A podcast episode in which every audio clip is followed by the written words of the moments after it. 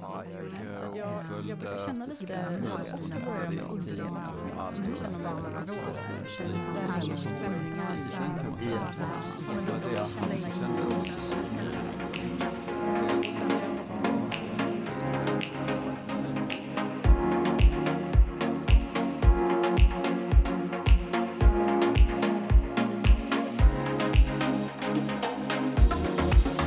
Välkommen till Inte bara kläders säsongsavslutning. Sedan premiären i maj förra året har 22 avsnitt kommit ut och det är dags att sammanfatta den tredje säsongen. Jag som gör podden heter som alltid Marie Tosta Linner och är personlig stylist på Tellclothes. Den här säsongen har bland annat gästats av Margareta Hallin, entreprenör och 50 plus-influencer med en klädstil som balanserar fint mellan fräscht och moget. Hon berättar om hur hon mitt i livet sadlade om och utifrån sitt stora klädintresse byggde upp en business med sitt Instagramkonto 50something.se. Där ger hon tips och visar outfits, ofta med egentillverkade kläder. Och hennes stora följarskara visar tydligt att behovet av stilförebilder för kvinnor i andra halvlek är stort. Helt plötsligt så kändes inte kläderna riktigt de kändes inte som de riktigt passade mig längre på samma sätt. Både liksom utseendemässigt och även kroppsligt också. Och nu är du 50? Ja, mm. ungefär runt 50 där. Mm. Då, då, kände jag verkligen att eh, mm, helt plötsligt så tog jag fram och provade och hängde tillbaka och det var mycket som inte stämde. Och, och jag kan inte riktigt sätta exakt fingret på vad det är men jag kände att jag gick in i en ny fas på något mm. sätt. Mm. Och ville framförallt och det var väl då också jag kom i det här att jag ville liksom begränsa min garderob lite mer och ha plagg i bra kvalitet som håller och som kändes lite mer tidlösa kanske. Mm, mm. Och eh, det kanske inte alltid är lika viktigt att följa alla trender på det viset utan att man ändå känner sig alltid välklädd. Mm. Och eh, det har jag nog fortsatt med lite utan att för den skull att det ska kännas tråkigt. För det, det, kläder ska ändå vara roligt. Så jag, jag försöker ibland och, och, jag testar lite trender och det är också en grej som är väldigt kul. Jag sydde mig en lite kortare kjol och, och frågade, hur, vad tycker ni? Är det här, kan man, är det här Du frågar dina kon ja. kontoföljare? Så jag gör det ganska ofta. Jag tycker det är lite mm. roligt ibland. Jag testar någon trend och, och vill att man ska prata om den trenden. Mm. Är det mm. någonting som du skulle vilja ha? Och så pratar vi om det liksom. Mm. Och du har ju väldigt många följare. Du har väl över 85 000? 85 000 följare. Ja. ja. och du, du har också en, en ganska så utvecklad kommunikation ja, med dina verkligen, följare. Verkligen. Ja, ja. Så det är som ett litet forum, ja, eller ett stort forum. Ja, jag tycker faktiskt det, att det är det. Och det är ju fantastiskt ja. faktiskt att det är så. Och det är nog också, och många skriver också mycket DM till mig. Mm. Jag får väldigt mycket fina DMs varje mm. dag nästan. Mm. Ja, det är jättefint. Mm. Och, ehm, och Ja, jag, jag, tror också att det som sagt, jag är inte ensam om att ha den där känslan. Eller Nej. jag var inte ensam. Nu tycker jag att jag har kommit över det. Mm. Den här osäkerheten som, som rådde då lite. Mm. Nu känner jag mig väldigt trygg och jag känner mig väldigt trygg i min stil och jag vet direkt om jag, vad jag gillar och inte gillar och så. Mm.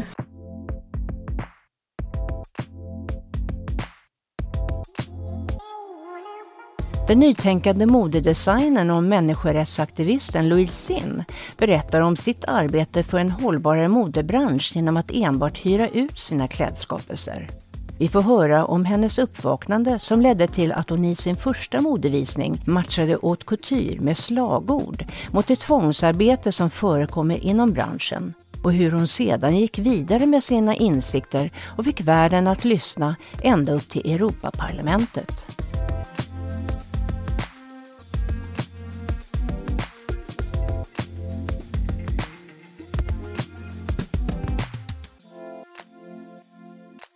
Eh, jag var fast i Japan under pandemin. Och då var det liksom, ja men man hade den här perioden för att tänka, jobba på sig själv, gräva in sig själv ut och in och man inser men gud det här livet som vi lever, den livsstilen, det här slit och släng och hur jag, hur jag var innan som liksom fast fashion konsument, hur jag själv inte hade liksom något respekt och värde för kläder. Och då när jag bestämde mig, ja men jag ville jättegärna jobba som designer. Um, och att då förstå hur ens konsumtionbeteende och någonting som man älskar så mycket också kommer med en sån stort pris. Mm. Att fast fashion är verkligen inte billigt, det är någon annan som betalar priset. När jag insåg det här sambandet blev det verkligen okej, okay, om jag verkligen vill ge mig in i en bransch som har gjort så otroliga avtryck både för miljön och för liksom mänskligheten, då, då måste jag göra det på ett sätt att jag åtminstone gör min lilla del bättre. Um, så jag, jag, skulle nog säga att upptäcka hela baksidan av industrin, det gjorde mig till en bättre människa. Och inse att det finns någonting så mycket större, så mycket viktigare än, än kläder. Att det, det verkligen berättar så mycket mer än bara, det är inte bara tyger, de berättar stories om människan bakom det. Så den, den, hela den resan är jag otroligt tacksam för.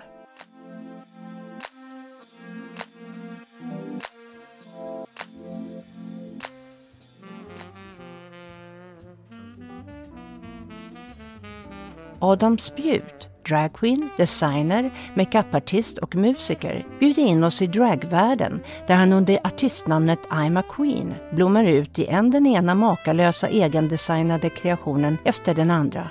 Han beskriver vad drag är, om vad drag betytt och betyder för honom, om det motstånd han mött och övervunnit och om hur han med hjälp av kreationen och sminket kan utmana och utveckla nya sidor hos sig själv.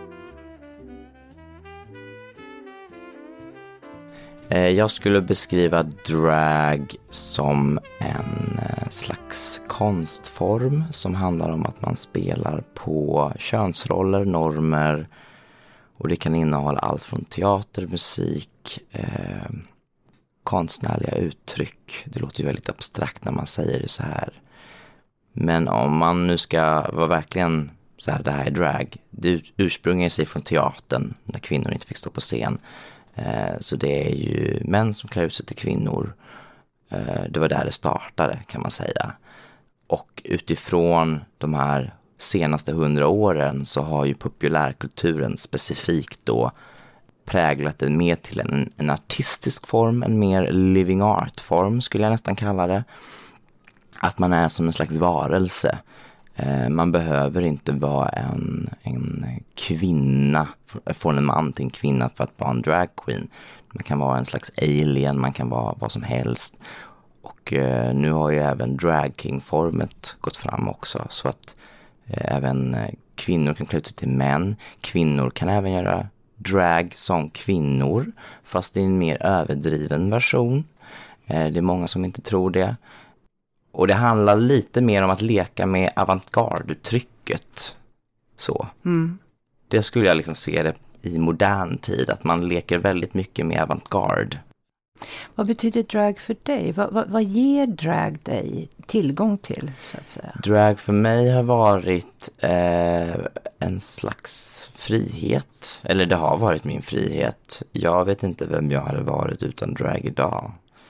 Eh, drag för mig har varit ett sätt att lära mig och socialisera mig med människor. Mm.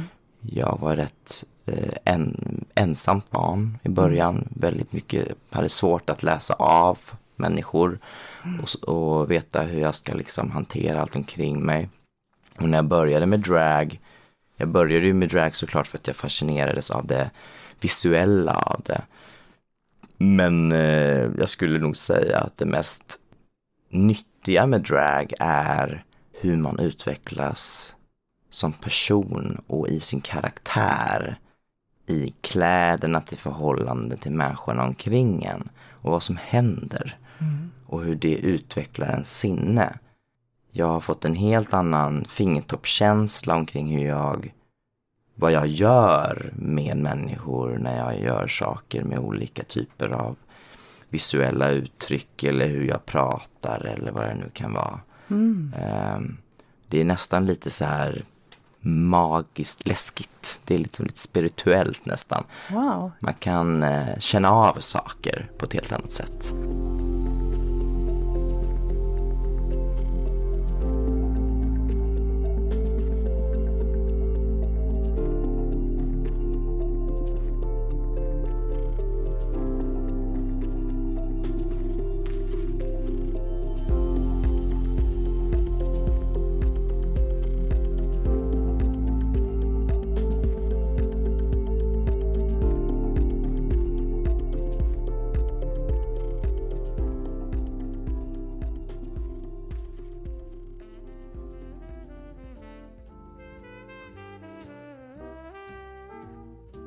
Säsongens sista gäst är Filip Varkander, lektor i textilt management vid Högskolan i Borås och forskare vid Lunds universitet samt doktor i modevetenskap.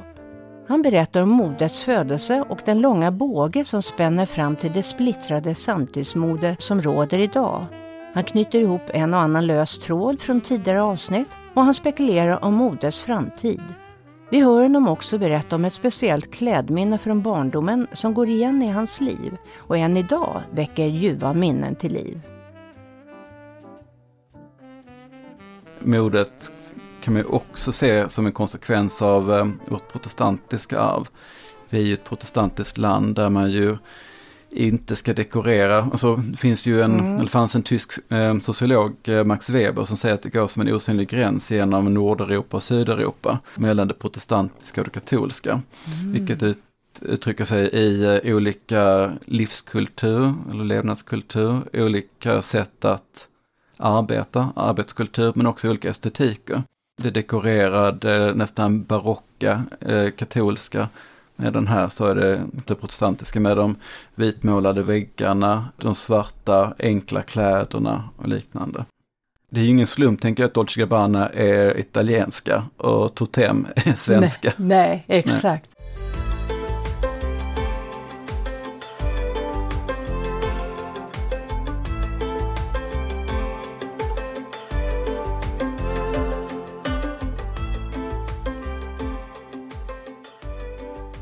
Ett annat plagg var just en, eh, en gul skjorta som jag älskade. Alltså när jag var rätt så liten, med fyra. Ja. Men alltså jag kände mig så snygg i den här mm. eh, skjortan, en gul kortärmad. Som var, alltså det var det snyggaste jag visste. Ja. Eh, och det är kanske inte är vanligt att fyraåringar tänker på sig själva som snygga, men jag tänkte verkligen att jag var jättesnygg i den. Intressant. Och sen så nyligen eh, när jag, när jag blev lite för gammal för Gucci så började jag köpa på Prada istället.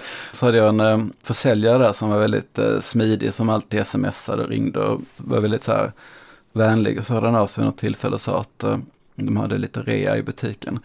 Så gick jag ner, så hade han just en gul skjorta, jättesnygg, långärmad var den. Men då mindes jag min barndoms eh, gula skjorta och hur snygg jag hade känt mig i den. Jag minns särskilt någon gång på förskolan, jag gick ner från en back och det blåste. Och backen mm. var kanske en halv meter hög, men för mig var det ju väldigt högt. Mm. Och det, jag tänkte att det var som att jag gick över några slätter i, i Skottland eller Irland. Jag kände mig väldigt så. Oh, fantastiskt. Ja, så då, så då köpte jag faktiskt eh, den här gula Prada-skjortan och den har jag jämt. Och varje gång så tänker jag faktiskt på eh, Nej. skjortan jag hade när jag var fyra. Mm. Ja, det är fantastiskt. Det var det svaret jag ville ha. Ja, jag förstod det. Nu kom det. Tack. Ja. Mm.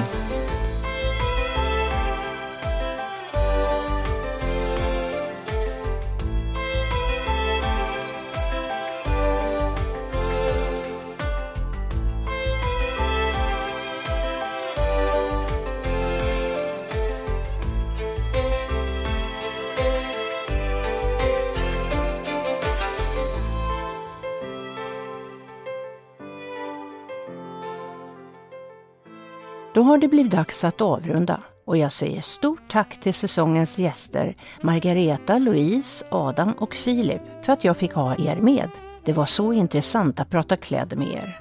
Och tack kära lyssnare för att ni följer med på den här spännande resan. Och tack för all er kärlek och pepp. Det värmer gott.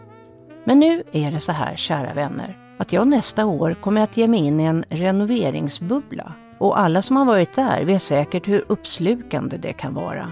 Så jag är hemskt ledsen, men detta gör att jag måste pausa podden ett tag. Och dessvärre har jag ingen tidsplan om när jag kommer tillbaka. Jag vet bara att det lär dröja.